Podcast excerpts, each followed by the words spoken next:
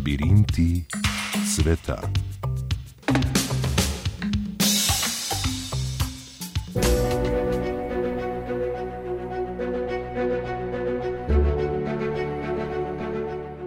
Ne le Nemčija, vsa Evropa je minulo nedeljo čakala na razplet nemških parlamentarnih volitev. Z njimi se je končalo 16-letno obdobje kanclerke Angele Merkel, začelo se je novo obdobje nemške politike, ki je še polno nejasnosti. Jasno pa je, da se volitve niso išle po pričakovanjih Merklove in njene konzervativne unije. Stranka je doživela najhujši poraz po drugi svetovni vojni, zmagali so socialdemokrati. Die Wählerinnen und Wähler haben auch sehr klar gesprochen. Sie haben gesagt, Voljivci so bili zelo jasni, povedali so, kdo naj oblikuje prihodnjo vlado. Okrepile so se tri stranke, socialdemokrati, zeleni in liberalci.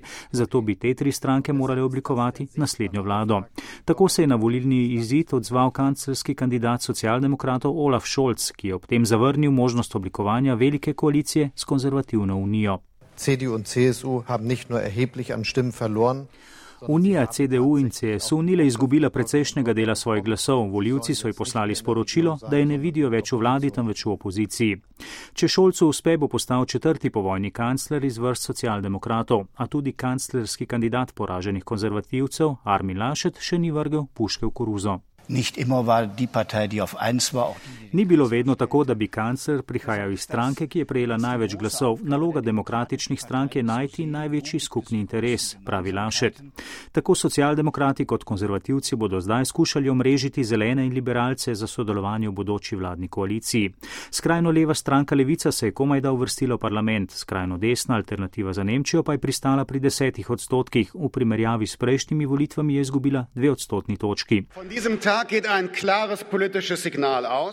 Volitve pošiljajo jasen politični signal, okrepil se je politični center, politične skrajnosti so oslabljene, meni vodja liberalne stranke Kristjan Lindner. In kaj izid volitev v gospodarskem motorju Evrope pomeni za staro celino? Kot je v studiu ob 17. pojasnil glavni analitik gospodarske zbornice Slovenije Bojan Ivanc, bodo strateške usmeritve prihodne nemške vlade zelo podobne zdajšnjim. V njihovem interesu je, da ohrani območje evra oziroma ga še razširi. In pa na drugi strani, seveda, da zagotovi stabilnost na svojih notranjih trgih. Namreč dve tretjini celotnega izvoza Nemčija še vedno izvozi v evropske države. Tako da Nemčija bo seveda ostala čvrst evropski partner in tudi menim, da bodo oni na ravni Evropske komisije zagovarjali politiko, seveda, da se fiskalno upravljanje nekoliko spremeni po tej krizi, tako da se nam lahko zgodi ta situacija, da bodo Nemci nekako poskušali slediti svojim fiskalnem upravljanju, medtem ko bodo pa drugim evropskim državam vseeno pustili nekoliko več svobode. Tudi analitiki drugot po Evropi pravijo, da je od Nemčije moč tudi po volitvah na ravni Evropske unije pričakovati več kontinuitete kot odstopan od zdajšnjih politik. Francoski minister za evropske zadeve Clement Bon je celo menil, da je na volitvah na nek način zmagala Angela Merkel. Socialdemokrat Olaf Scholz je bil podkancler in finančni minister v vladi Merklove. Vso svojo predvolilno kampanjo je gradil na posnemanju njenih dejanj. Sebe je predstavljal na njenem mestu in trdil, da prav on predstavlja stabilnost in kontinuiteto. Bon še meni, da bo francosko-nemški vlak, ki poganja evropsko kompozicijo, dobro deloval tudi v prihodnje. Vse stranke, ki bodo oblikovali prihodnjo vladno koalicijo, so proevropske, zavezane Evropi. Zagotovo se bodo v naših odnosih s prihodnjo nemško vlado pojavljale tudi razlike in težave, saj se ne moremo strinjati o vsem. Laže bo govoriti s socialdemokrati, da nimo pri vprašanjih investicij in proračunskih pravil, in na drugi strani se bo laže dogovarjati s konzervativci, da nimo glede obrambe in varnosti.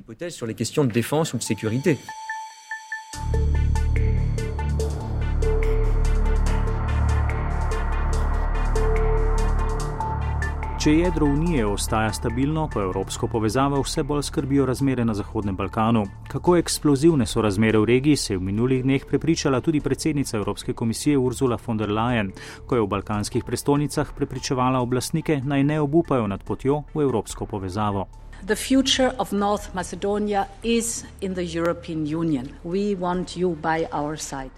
Prihodnost Severne Makedonije je v Evropski uniji. Želimo vas ob nas. Evropska komisija in jaz osebno trdno stojimo za to zavezo. Lahko se zanesete na nas, sprejeli ste pogumne odločitve in to zares pozdravljam, je von der Leinova sporočila v Skopju državi, ki je celo zamenjala svoje ime, pa kljub sladkim obljubam iz Bruslja obstala na evropski poti. Unija uživa vse manj zaupanja na Balkanskem polotoku, tukajšnje države ji dajo vedeti, da Brusel ni edini možni zaveznik. V odsotnosti evropske perspektive se države v regiji zapletajo v nacionalistično retoriko in sovražnosti. Na zadnje se je zaiskrilo na severu Kosova med Srbi in Albanci zaradi na vides nepomembnega spora glede registrskih tablic.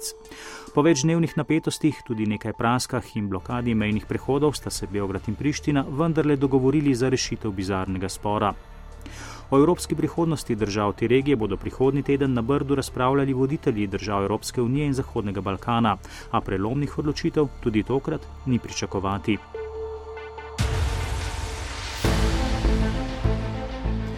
Iz evropskega vlaka je pred leti izstopila Velika Britanija, zdaj se sooča s posledicami. Zaradi pomankanja voznikov tovornjakov primankuje goriva na benzinskih črpalkah, številne ostajajo zaprte.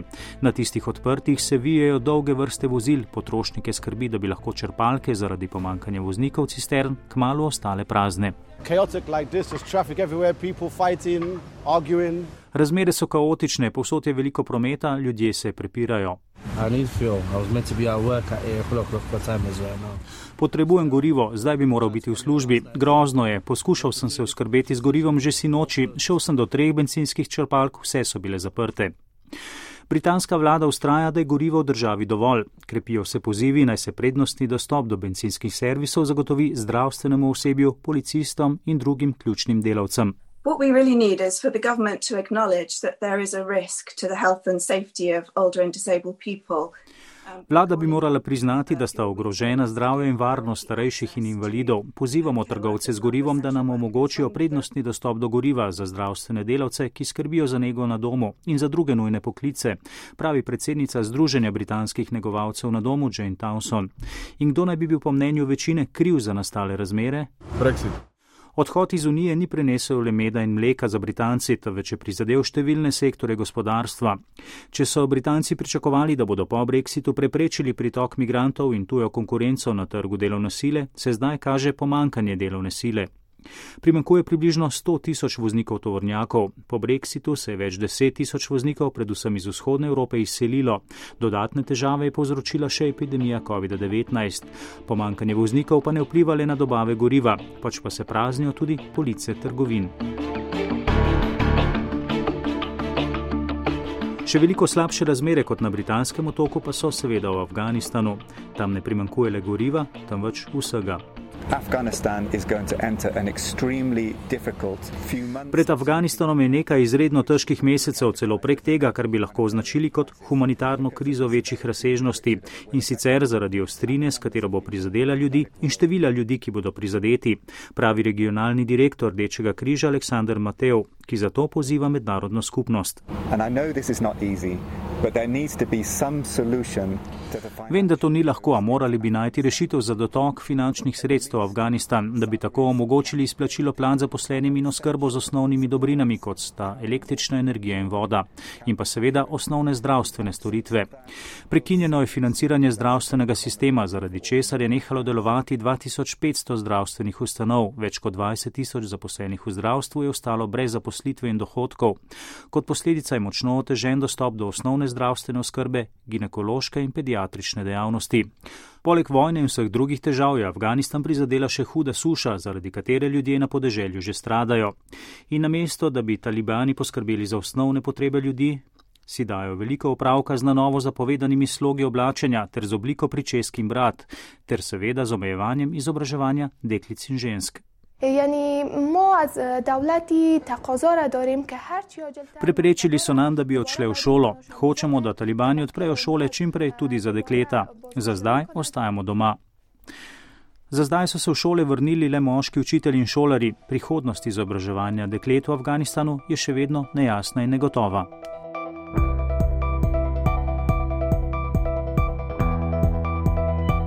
Evropskih ustanov ne skrbi le razvoj dogodkov v Afganistanu ali pa na Zahodnem Balkanu, temveč tudi v samih članicah Unije.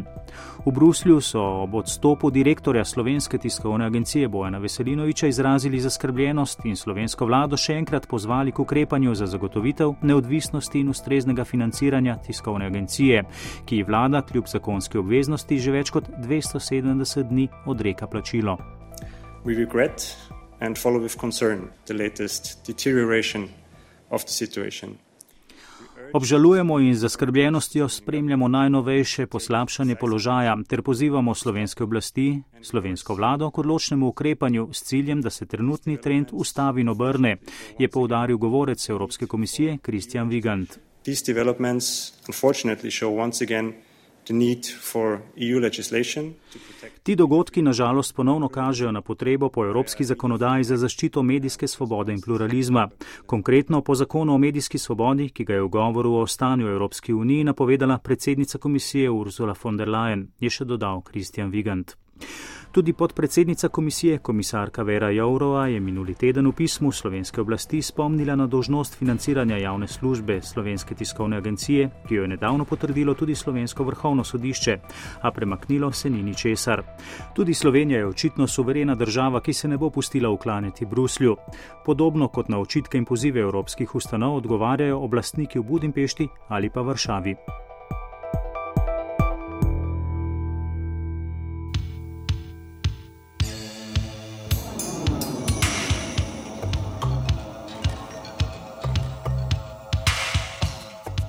To so bili Labirinti sveta. redna tedenska oddaja zunanje političnega uredništva. Pripravil sem jih Blaž Rmenc, tehnična izvedba David Lab. Podajo najdete tudi v arhivu Radia Slovenija in med podcasti.